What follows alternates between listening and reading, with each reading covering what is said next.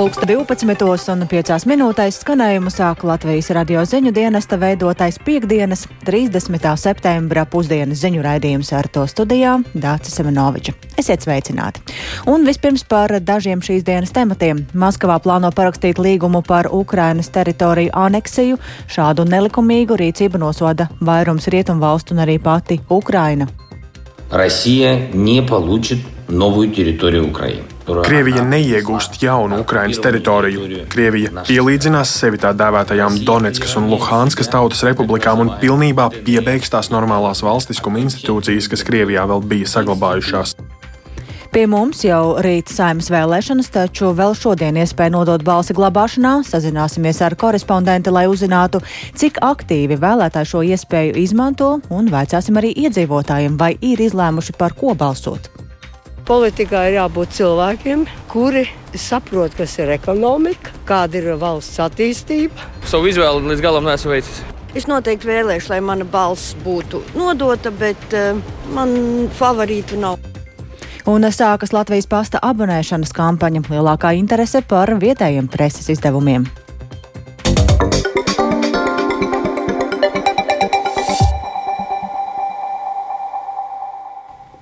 Krievijas galvaspilsētā Maskavā šodien ir paredzēts parakstīt līgumus par četru okupēto Ukrainas apgabalu pievienošanu Krievijas federācijai.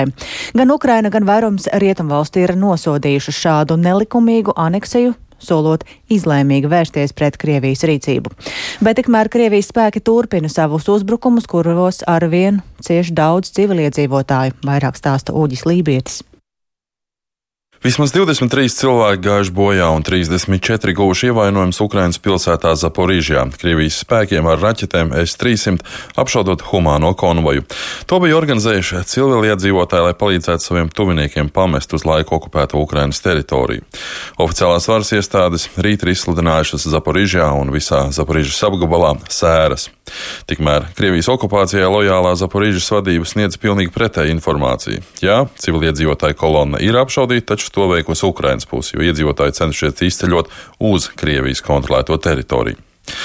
Šis uzbrukums ir noticis dienā, kad Krievijā ir gaidāma svinīga līguma parakstīšana par pašpasludināto Donetskas un Luhanskas tautas republiku, kā arī okupēto Helsons un Zaporīžas apgabalu daļu iekļaušanu Krievijas federācijas sastāvā. Vakar Krievijas prezidents Putins parakstīja īpašs rīkojums par Helsons un Zaporīžas apgabalu neatkarības un valstiskumu atzīšanu.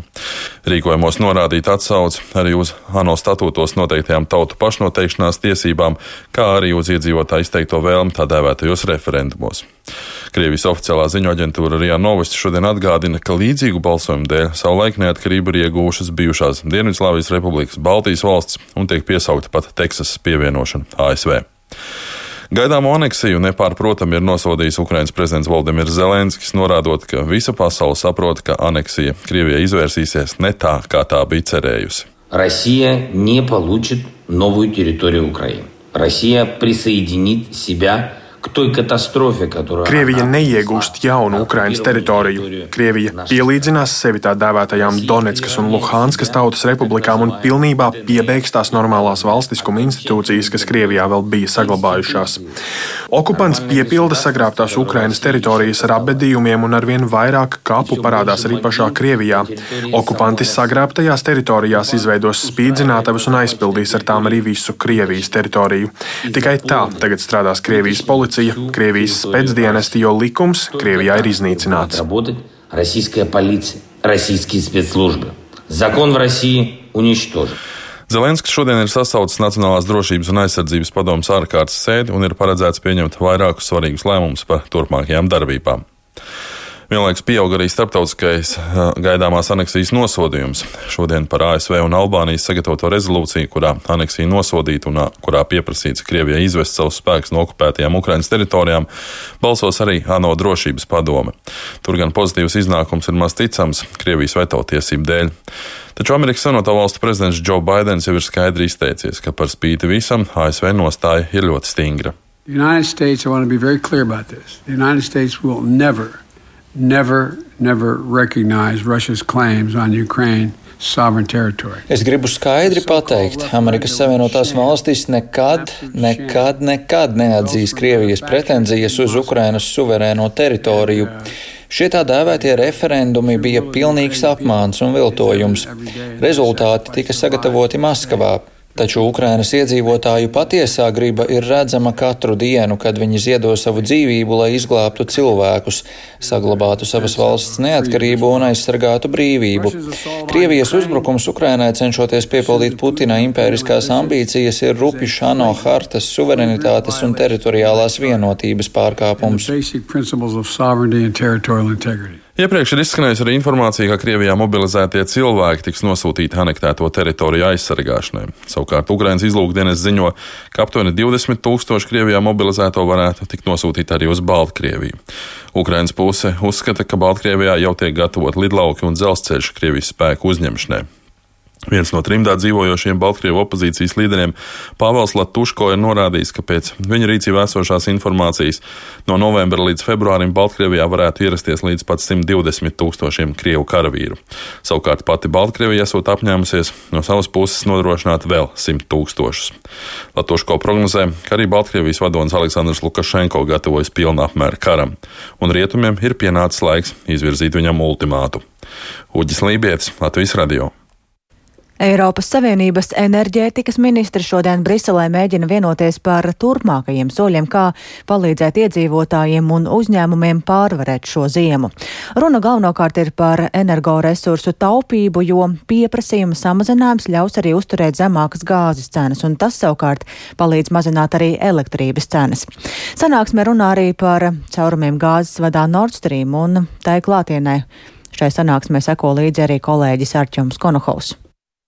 Galvenā problēma, kā norāda Eiropas komisija, šobrīd ir tajā, ka pieprasījums pārsniedz piedāvājumu. Eiropas valstīm vajag vairāk gāzes eh, nekā ir pieejams, jo Krievijas gāze šobrīd mums nav eh, pieejama vairāk iemeslu dēļ. Tāpēc arī dzen cenas uz augšu, jo Eiropas valstis ir gatavas maksāt gandrīz jebkādu cenu, lai tikai nodrošinātos ar gāzi un arī savstarpēji sacenšās. Un šī problēma ir tā, ko vajadzētu risināt gan ar pieprasījumu pieprasījuma samazināšanu, jo tad gāzes pietiks ilgākam laikam, gan arī, lai nomierinātu tirgus. Attiecīgie cena tad līdz ar to varētu samazināties. Kopīgie iepirkumi ir tas, ko Eiropas Savienība vēlas arī apspriest. Pirms dažām nedēļām tika runāts arī par griestiem gan Krievijas, gan citu valstu gāzei. Kas notiek ar šo ieceri? Šis ir visnotaļ pretrunīgs solis un pretrunīgs jautājums, jo jaunākajā analīzē, ko Eiropas komisija ir publicējusi, ir minēti vairāki riski, kas varētu no tā rasties, un ir vairākas valstis, kas um, šaubās, vai tas būtu labākais risinājums. Par to, ka varētu tikt noteikta cenu griesta vai maksimālā cena Krievijas gāzei, tam lielas pretestības nav. Um, varbūt Ungārija vai kādas citas valstis, kas joprojām turpina saņemt gāzi no Krievijas, varētu iebilst pret šo pasākumu. Krievija ir draudējusi, ka jebkura valsts, kas noteiks maksimālo cenu, var rēķināties ar to, ka gāze vairs netiks piegādāta. Pārējie saka, ka tas drīzāk būtu simbolisks pasākums, jo Eiropa tāpat gandrīz vairs neseņem gāzi no Krievijas šis pasākums varētu potenciāli tikt atbalstīts. Bet par pārējo gāzi mums jāatgriežas pie tā, ko es teicu jau pirms dažām minūtēm, proti pie tā, ka pieprasījums šobrīd pārsniedz piedāvājumu un daudz saskata grūtības tajā, ka Eiropa pieņemsim ultimatīvi pateiks tādai valstī, pieņemsim, kā Norvēģija, ka mēs tagad no jums pirksim gāzi par šādu ciparu un ne centa vairāk. Te varētu būt arī, kā saka, reputācijas jautājumi. Ko šobrīd var teikt par eh, Eiropas valstu sarunām ar citiem gāzes piegādātājiem? Par sarunām ar citiem gāzes piegādātājiem eksperti no vairākām domnīcām eh, jau norāda, tostarp arī no Eiropas eh, ārlietu padomes. Viņi saka, ka vajadzētu tomēr Eiropai Eiropas valstīm vairāk savā starpā koordinēties un mēģināt nepieļaut, ka arī uh, tuvo austrumu piegādātāji mēģina mūs savā starpā sarīdīt un arī šādā veidā izmantot pārāk lielu ietekmi uz Eiropu un celt cenas. Tad lielāka koordinācija arī sarunās ar tuvo austrumu valstīm, ar līča valstīm varētu palīdzēt mazināt cenas un radīt zinām stabilitāti. Ar Arķomu Konohovu sarunājās Dāra Zīle.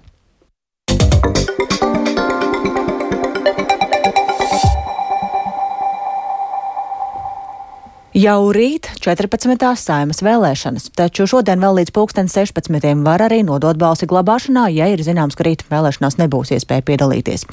Iepriekšējās divās dienās, iepriekšējā balsošanā vēlētāja aktivitāte bija gandrīz divas reizes augstāka nekā pirms 13. saimas vēlēšanām, un vienā no 66 vēlēšanu iecirkņiem šobrīd atrodas arī kolēģa Linda Spundiņa, ar kuru esam sazinājušies. Sveika, Linda! Sveika, Dārts! Labdien, klausītāji! Kur eh, tu šobrīd atrodies un kāda tur ir vēlētāja aktivitāte? Eh, es šobrīd atrodos Rīgas Ziepniekalna vidusskolā. Iecirknis vaļā jau ir divas stundas, un, kā jau teica, balsi glabāšanā var nodot līdz četriem pēcpusdienām. Runājot par iedzīvotāju aktivitāti, vēlēšana iecirknī stāsta, ka pirmie vēlētāji šeit jau pie skolas durvīm bija pēc deviņiem rītā. Šobrīd šeit ir izveidojusies neliela, neliela rinda, bet um, dažas minūtes iepriekš bija varbūt arī 20 cilvēki, nedaudz vairāk, un gaidīšanas laiks ir aptuveni 10 minūtes, un tas gan ir atkarīgs no tā, cik tad ātri cilvēki izdara savu izvēli vēlēšanu kabīnē. Iecirkņā vadītājs Zanē Doniņa atklāja, ka līdz šim nobalsojuši aptuveni 200 cilvēki, tātad šajās divās stundās. Pirmajā iepriekš balsošanas dienā un arī vakar nobalsoja aptuveni 200 cilvēki katrā dienā, kas nozīmē, ka šodien jau šī aktivitāte ir krietni lielāka.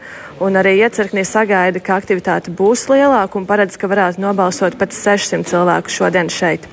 Te nāk pārsvarā iedzīvotāji gados, jo ir dienas vidus, taču arī ir jaunāki cilvēki un arī strādājoši cilvēki. Arī nāk kāda ģimene un vēl jaunāki cilvēki kopā ar tiem. Kāds nāk pusdienu pārtraukumā, kāds šodienu paņēmis brīvu. Iemesli vēlēt tieši šodien ir dažādi.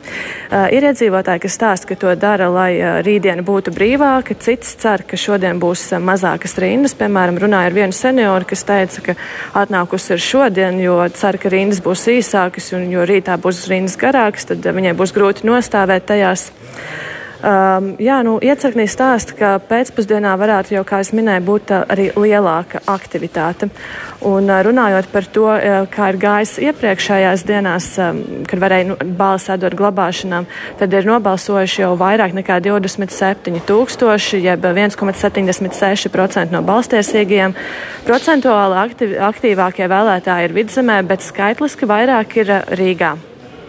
Jā, Linda, tu sacīji, ka rinda iet uz priekšu nu, atkarībā no tā, cik ātri cilvēki izdara izvēli. Ko vēlētāji vispār saka, vai ir viegli izvēlēties, um, par ko vēlēt?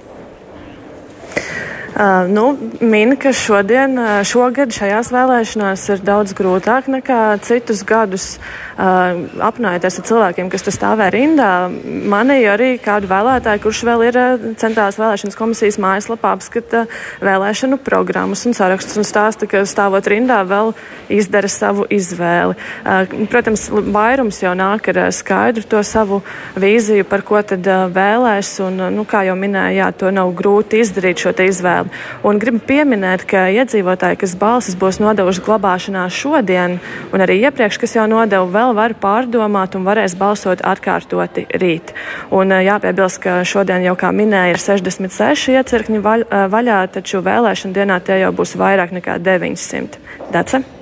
Jā, paldies. Mēs sazinājāmies ar kolēģi Līnu Spundeņu, kura šobrīd ir vēlēšana iecirknī, un dzirdējām, ka ir diezgan daudz tādu cilvēku, kuri šobrīd arī izvēlas un balso iepriekš. Motivācija katram sava, vienam rīt citi plāni, bet eh, citiem rīt nebūs iespēja balsot. Atgādināšu arī to, ko Linda minēja, ka ne visos iecirkņos ir iespēja iepriekš nobalsot, tāpēc izvēloties šo iespēju ir jāpārliecinās, kuri tad iecirkņi pieņem balsis glabāšanā. Bet uh, visi Latvijas radio uzrunātie Rīgas ielās sastaptie iedzīvotāji saka, ka vēlēšanās tiešām arī piedalīsies. Ne visi ir izlēmuši, kurai partijai atdot savu balsi, un arī principi, pēc kādiem kuriem tiek pieņemts lēmums, ir ļoti dažādi. Kolēģis Kristaps Feldmanis Rīgas ielās sastaptajiem iedzīvotājiem vaicāja, vai viņi plāno piedalīties vēlēšanās un kā izvēlas par ko balsot. Piedalīšos. Un, jā. gribēju prasīt, vai esat izlēmuši, par ko balsosiet? Īsti nē. Un kādi ir tie principi, pēc kuriem jūs izdomājat? Konsultējos ar bērniem, jo man neviens nepatīk, bet par kādu jābalso. Piedalīsieties vēlēšanās? Jā, protams. Un to jums pašai ir skaidrs par ko? Absolūti un pilnīgi. Uh -huh. Un kādi ir tie principi, pēc kuriem jūs? Principi tādi ka politikā ir jābūt cilvēkiem, kuri saprot, kas ir politika, kas ir ekonomika, kāda ir valsts attīstība. Nu, tie man principi. Un tad, jūsuprāt, ir partijas, kur piedāvājumā jūs redzat šīs spējas? Jā, es, protams, to redzu. Uh -huh. Es galīgi nepiedaru pie vaidētājiem. Doma ir noteikti piedalīties vēlēšanās, taču vēl savu izvēli līdz galam neesmu veicis. Bet gribēju prasīt, pēc kādiem principiem jūs izvēlēsieties, kas jums ir svarīgi, ko ņemsiet vērā? Ko ņemšu vērā?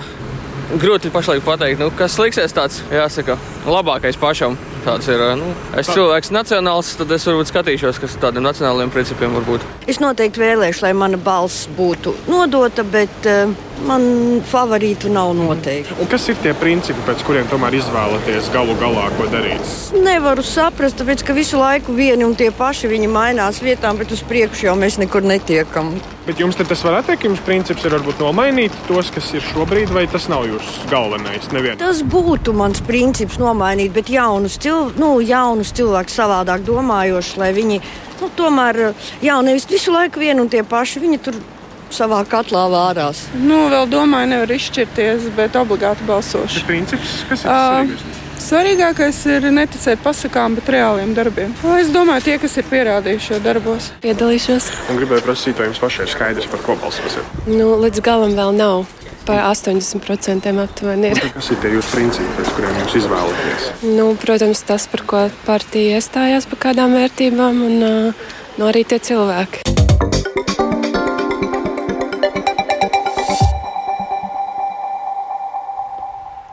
No rītdienas ar aicinājumu apetīte rodas lasot. Sākas tradicionālā Latvijas pasta abonēšanas kampaņa. Kopumā nākamajam gadam iespējams abonēt vairāk nekā 420 Latvijas un ārvalstu laikrakstus un žurnālus.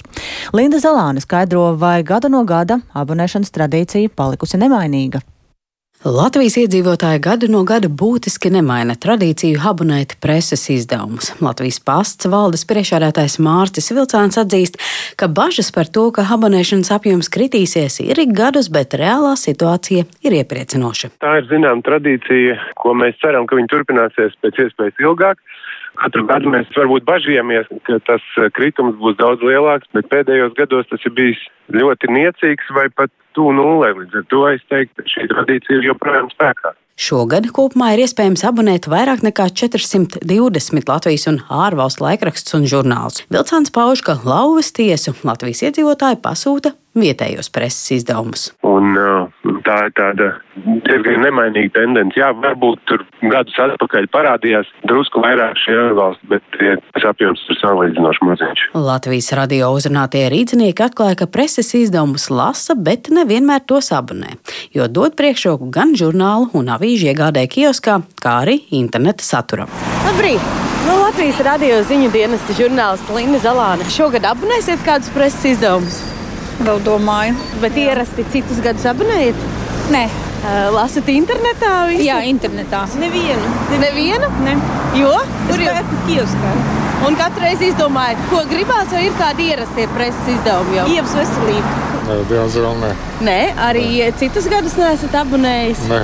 Tagad telefonā jau viss ir internetā. Visu var izlasīt un tāpat mm -hmm. paskatīties. Visu digitāli lasat, jā?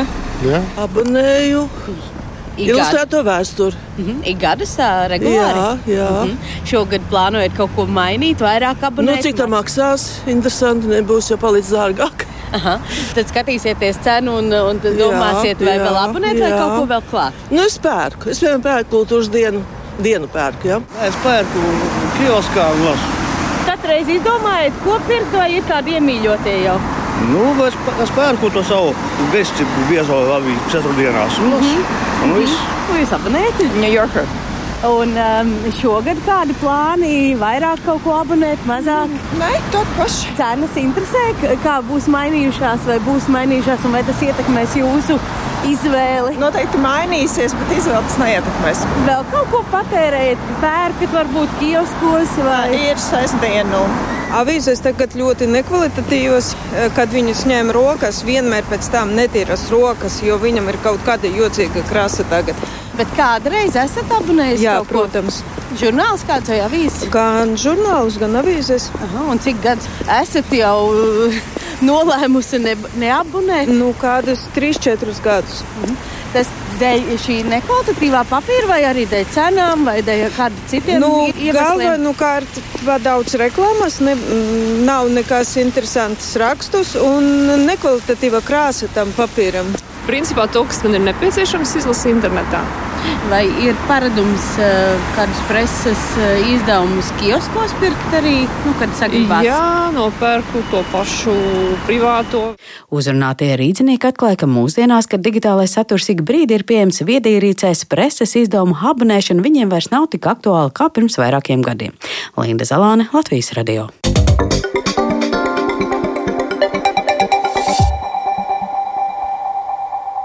Un Liepājas teritorijā netālu no karostas paceļamā tilta pašlaik būvē iespaidīgu dzeramā ūdens terminālu. Paredzēts, ka dzeramo ūdeni no Liepājas dziļurbumiem nogādās terminālā un tālāk to pa jūras ceļiem eksportēs uz citām valstīm. Līdzīgu projektu taču apmēros mazāku īsteno arī Ventspilī un vairāk Ingas Ozols ierakstā.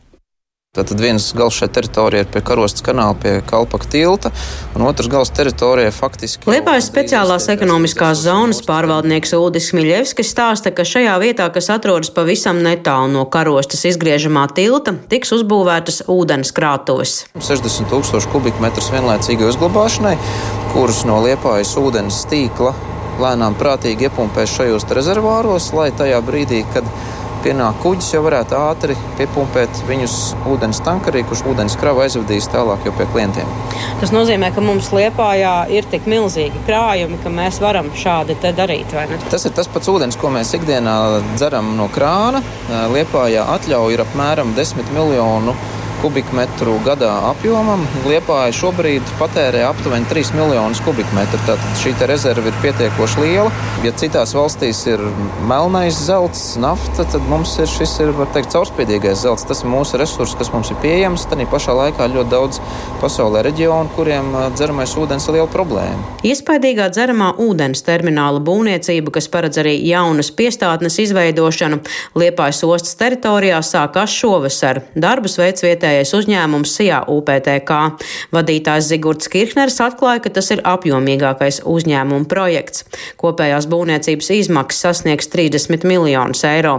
Sākot būvniecības darbus, nācies saskarties ar negaidītām problēmām un izaicinājumiem, turpina Zigurds Kirchners. Izrakām divas Pirmā pasaules kara jūras mīnas, iespaidīgas, pat ar vienā, man liekas, bija 128 kg trotila. Sapieri brīdināja, ka varam uzdurties uz vēl kādām, bet izbūvējot lietas ūdens kanalizācijas tīklus, mēs atradām otrā pasaules kara munīcijas krājums. Uzņēmuma vadītājs stāsta, ka viss beidzies labi un būvniecības gaitu tas nav ietekmējis. Līdz šim uzbūvēta 12% no iecerētā termināla.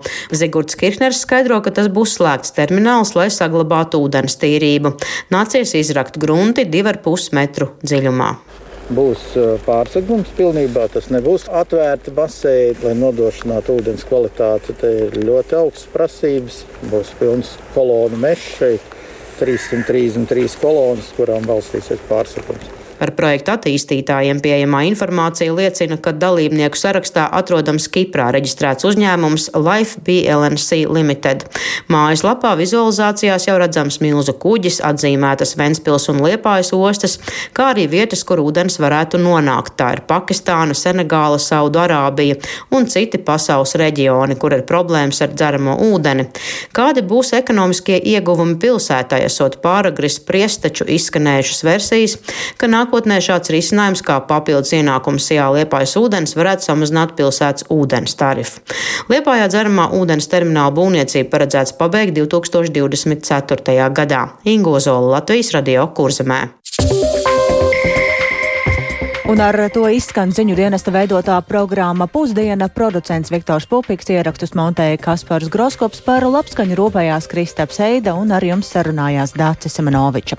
Vēl īsi par svarīgāko Maskavā plāno parakstīt līgumu par Ukrainas teritoriju aneksiju. Šādu nelikumīgu rīcību nosoda vairums rietumu valstu un arī pati Ukraina.